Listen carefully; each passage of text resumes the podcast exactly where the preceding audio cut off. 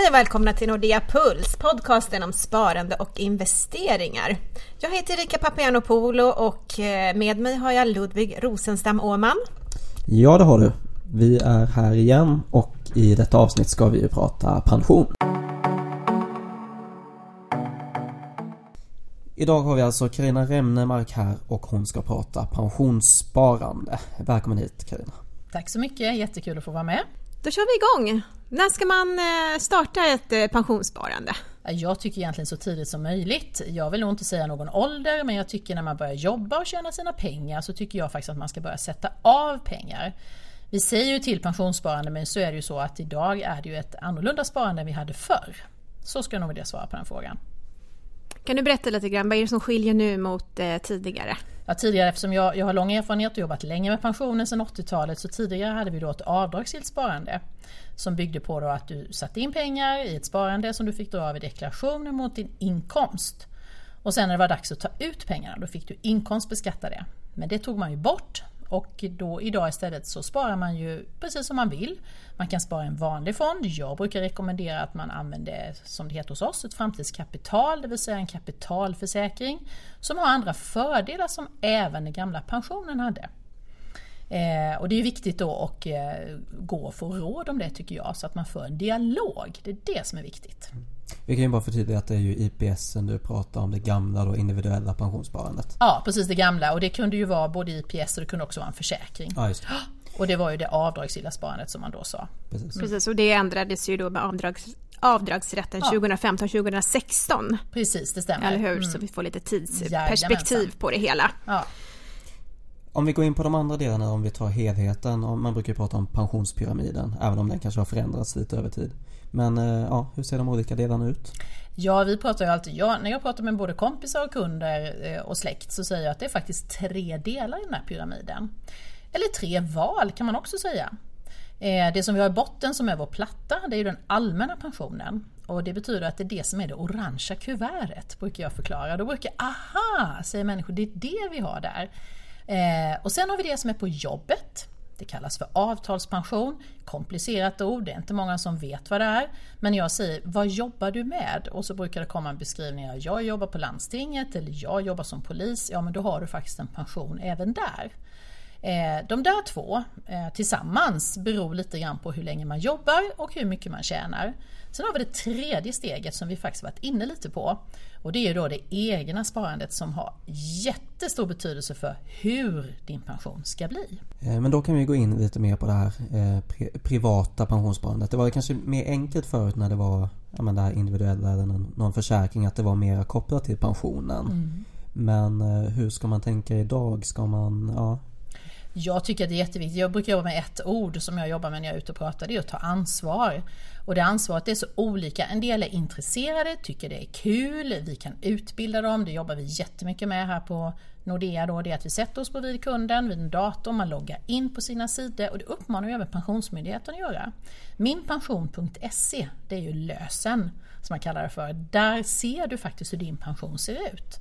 Och det som jag tror väldigt många har svårt att förstå, det är ju det här att allmän pension, det orangea kuvertet, det bygger på att du har ett långt arbetsliv. Förr räckte det faktiskt att jobba 30 år. Och sen snittade man de 15 bästa åren, det var den gamla ATPn. Men idag kräver det ett långt arbetsliv och vi brukar säga att jobbar man 40 år så kanske man får ungefär hälften av sin lön i pension. Sen lägger vi på avtalspensionen. Har du jobbat länge så kan du kanske räkna med 10-15% till. Men då är du fortfarande bara uppe i 65% kanske. Och därför är det viktigt då med den privata pensionen och där vill vi gärna träffa våra kunder för att visa då en prognos, en pensionsprognos. Så vad behöver du spara Ludvig? Hur mycket är det som fattas? Vad har du tänkt dig? När vill du ta pension? Det finns ju en uppfattning om det när man vill ta pension, så det är det vi vill komma till. Ja, och sen enligt eh, en del media nu för tiden så ska vi alla gå i pension vid eh, 30 års ålder. Hur känns det rimligt? Oj, 30 års ålder, de har precis börjat jobba tycker jag.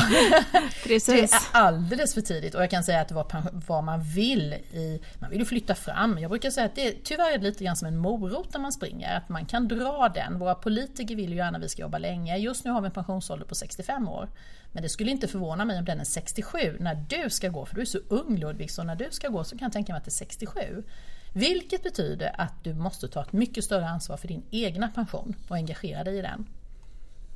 Det låter som ett bra tips. Ehm, men ja, sen så handlar det såklart om att hitta något jobb som man verkligen brinner för det också. Ja, det måste man. Man måste ju ha ett roligt jobb. Ja, det är ju man det måste viktiga. ha kul, absolut, ja. under tiden. Ja, Men jag tänker, vi är inne lite på det här olika livssituationer och sådär. Ludvig, du är ju yngst här. Du är ju ung fortfarande. Ja, det är vi väl också, unga och fräscha. Men eh, jag tänker, om man har familj och så, är det något mm. speciellt man ska tänka på då kring pensionen?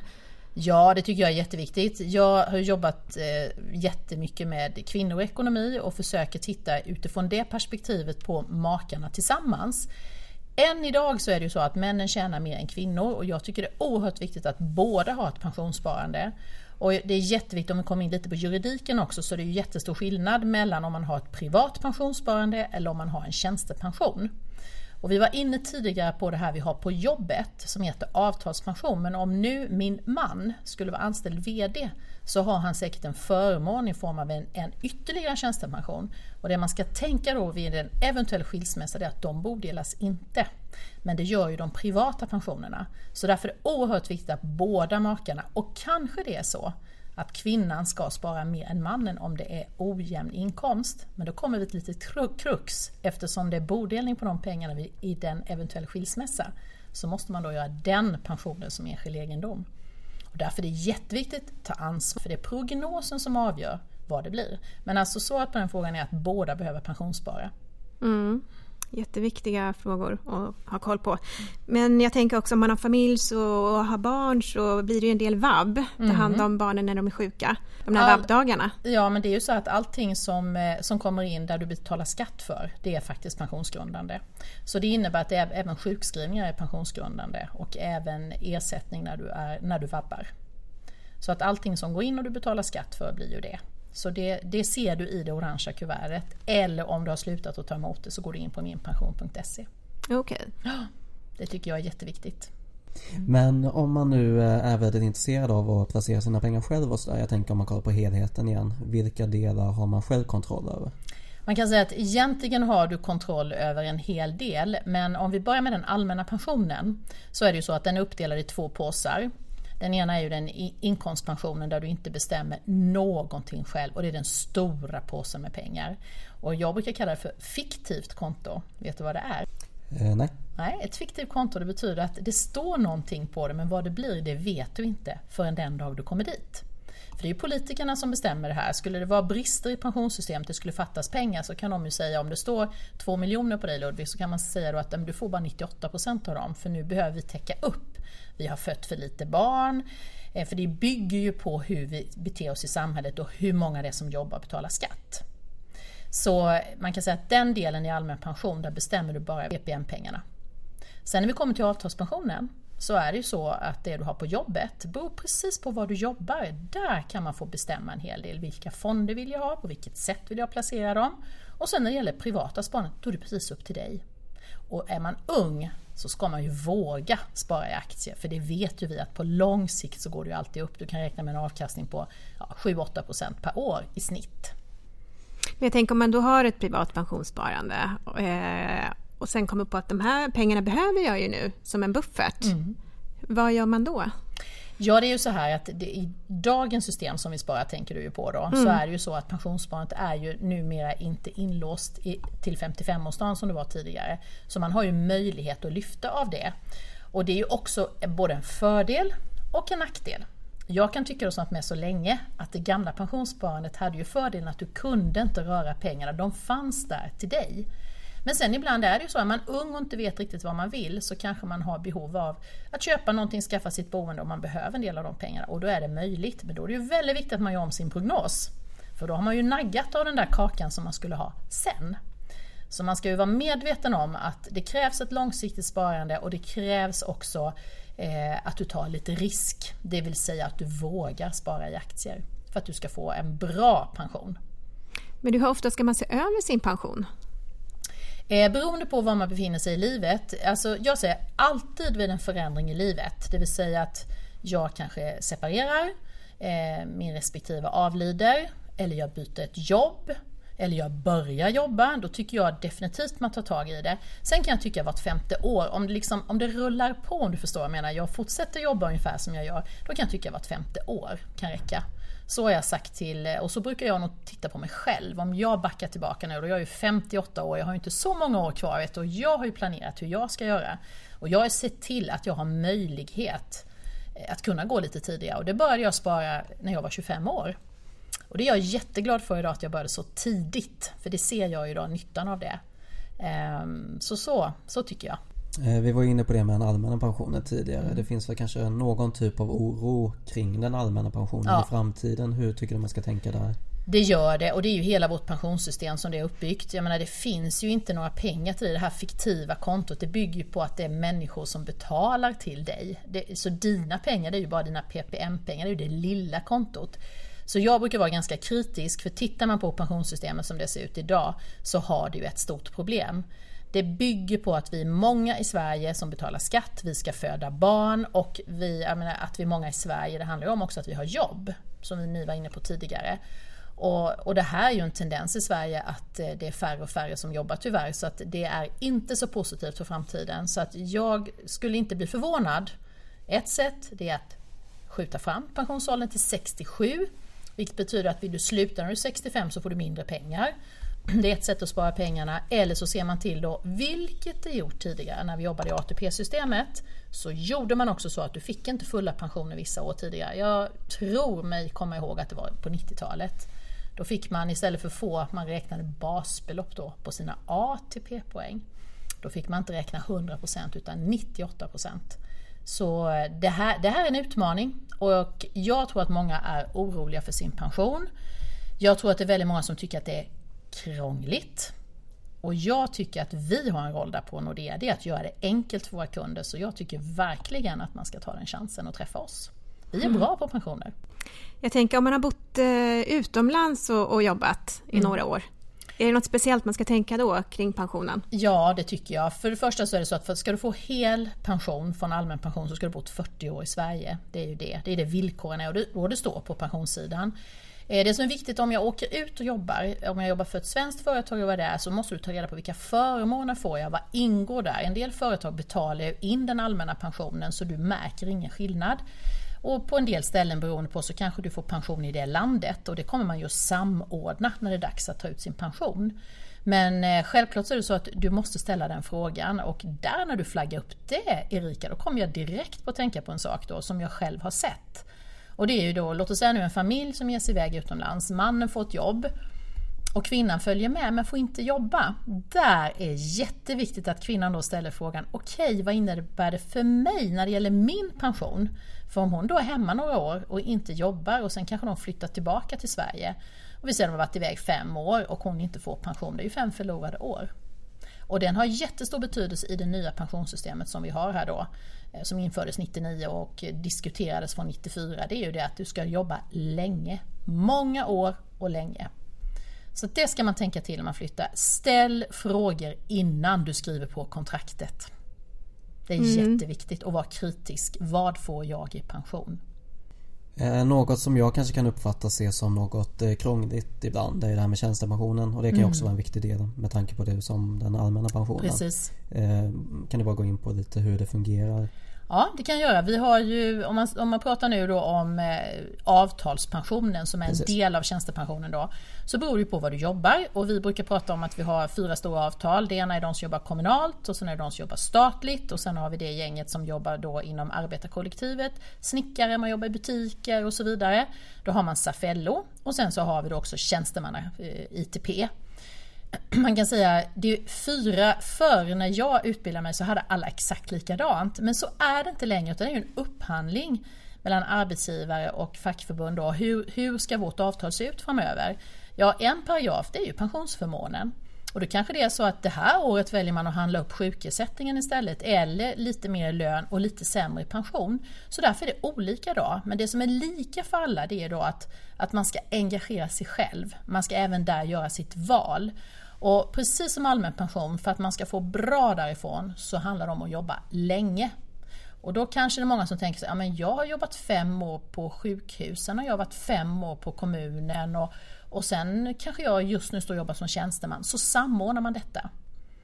Och man brukar prata om 30 år som man samordnar, så ska man liksom ha full eh, avtalspension så krävs det då 30 år.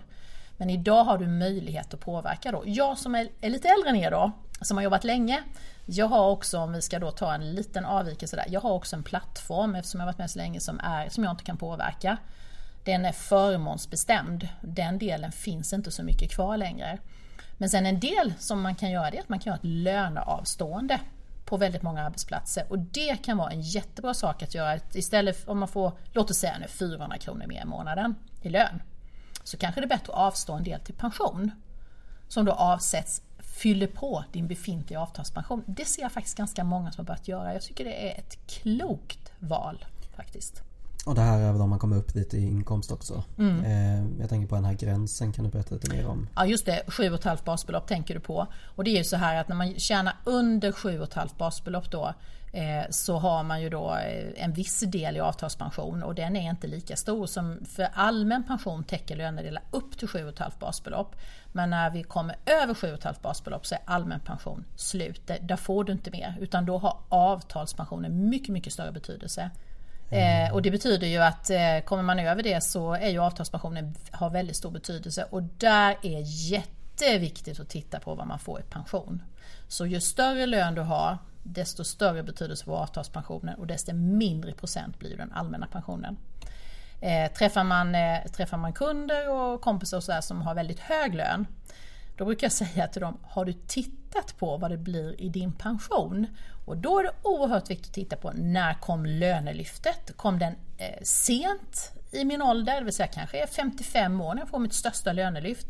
Och så utgår man från den lönen, då får man en chock den dag man ska ta pension. För den har ju inte så stor påverkan eftersom den kommer på slutet.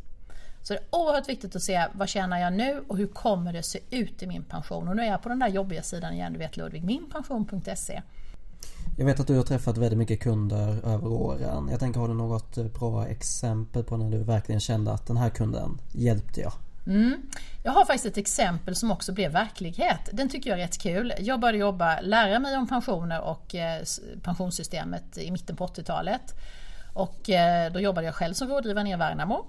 Och jag träffade en kvinna som eh, jobbade som lärare och hon levde själv. Och eh, så kom vi fram till det att hon, hon hade faktiskt god ekonomi. För först måste man utreda vad har du för inkomster, vad har du för utgifter och hur ser överskottet ut? Det är ju liksom lektion ett.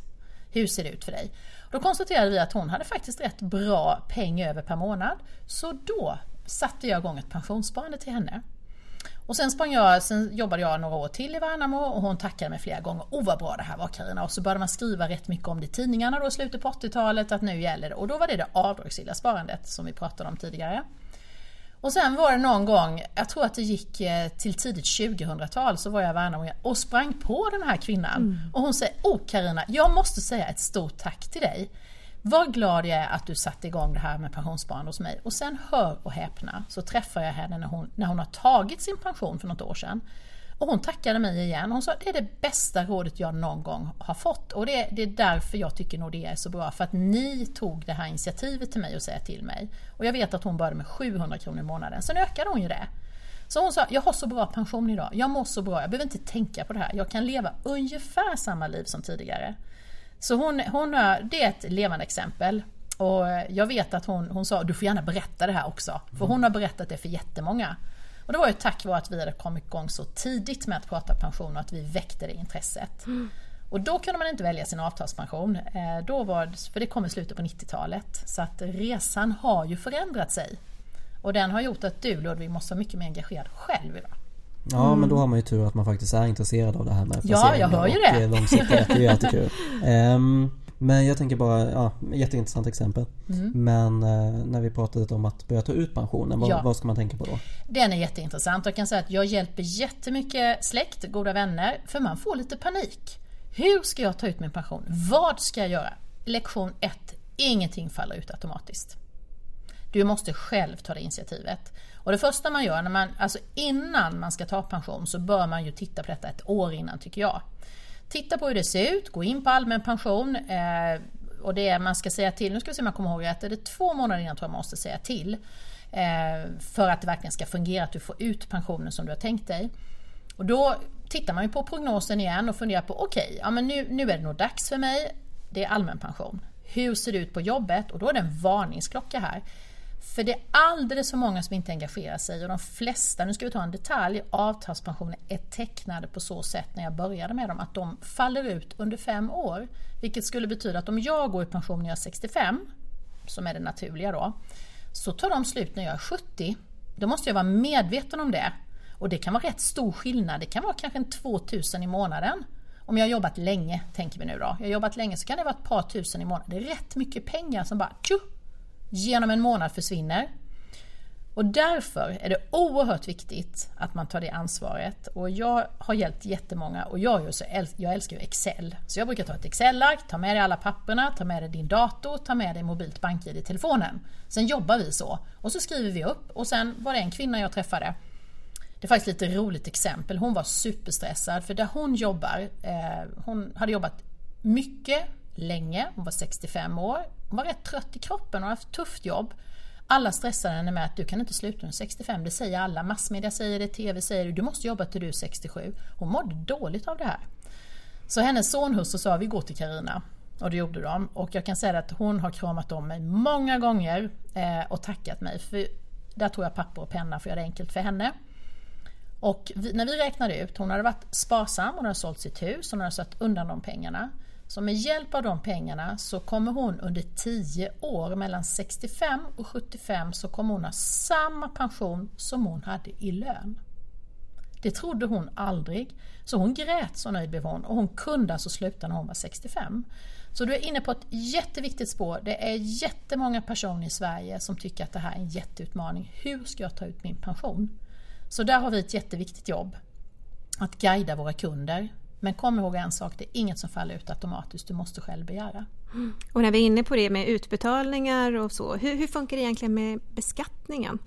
Då är det ju så här att om vi tittar på allmän pension och dina avtalspensioner, det var de där två av de där tre delarna i pyramiden, så är det ju alltid inkomstbeskattning på det. Men sen har vi en lägre skatt, jag kan inte exakt, men det är lägre beskattning om man är pensionär i alla fall. Nu, nu är jag, den är jag lite dålig påläst på nu i detalj. Men sen beror det på hur du har sparat privat då. De jag har, som är gamla, som jag började med på 80-talet, de är också inkomstbeskattning av, därför att jag fick ju dra av dem i min deklaration när jag sparade. Men de senaste åren så har jag växlat mitt sparande som jag var inne på tidigare till en kapitalförsäkring och de är ju ingen inkomstbeskattning på. Så att jag har ju redan lagt min plan. Så mitt mål det är ju att jag hade tänkt att jag ska kunna sluta när jag är 62 år och ha ett ganska bra liv då. Så tänkte jag. Men jag kommer inte att ha 100% eh, av min lön i pension. Eh, och jag är inte intresserad av det heller för att det bygger på vilken ekonomi du har. Jag menar jag har varit ganska noga med att vara försiktig med utgifterna. Och då behöver man inte så mycket inkomster, säger en sann smålänning vet ni. Det gör han, eller hon. Jag känner igen det här väldigt bra. Precis. det är ju väldigt sunt. Det Ja, är det är verkligen sunt det. Det är tänkande. sunt tänkande. Och, och jag Mm. tycker också det är väldigt viktigt, jag var inne på det tidigare med den här kunden jag pratade om, som lite grann hur mycket ska man spara? Man måste börja med att titta på sin ekonomi. Jag menar, var befinner du dig i livet? Jag träffar en kvinna här, jag har ju så mycket kundträffar och man får ju så mycket exempel. Och hon, hon, hon var jätteledsen och sa att jag har inte råd just nu. För hon levde ensam med två barn och var mitt i det. Jag sa, då, då, då får du ta bort det. Du måste koncentrera dig på det här. Och sen som jag sa, det det handlar om det är bara att du är medveten om att det kommer nog kräva ett ganska långt arbetsliv hos dig. Och jag träffade faktiskt en, en annan kvinna i, eh, i förra veckan och hon jobbar fortfarande. Och hon är 67, hon fyller 67 i januari tror jag det var. Så hon sa så här, det är det bästa jag har gjort. Jag har jättekul för hon blev tyvärr änka för tidigt. Men hon har ju ett jätteroligt liv tycker hon. Och hon har valt att fortsätta jobba. Då växer ju pensionen. Så är det ju. Så att jag menar, tar du inte ut det när du är 65 så får du ju bara mer pengar och det ser man ju då på min pension eller gå in i det orangea kuvertet då.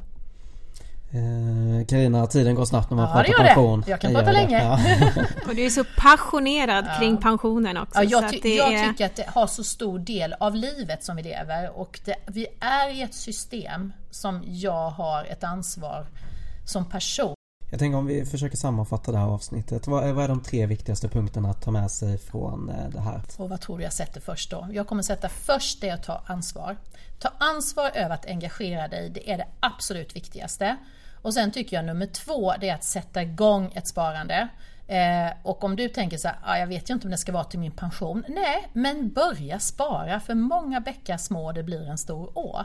Och sen det tredje det är gå igenom vad det är du har idag. Du kanske har ett jättebra pensionssparande, du kanske ligger jättebra till.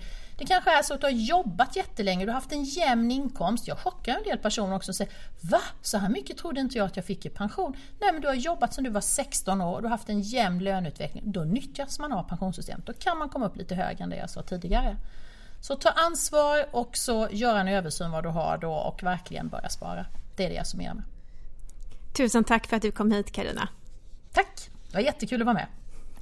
Och eh, som sagt så vill vi ju jättegärna ha in feedback och frågor från er som lyssnar. Så skicka gärna det till nordeapuls.nordea.se och där ska det vara ett E på slutet av puls. Eller så har vi även ett frågeformulär som ligger på Nordea Investors hemsida och det är alltså investor.nordea.se. Och ja, det var alltså allt vi hade för denna veckan så vi säger tack och på återhörande nästa vecka.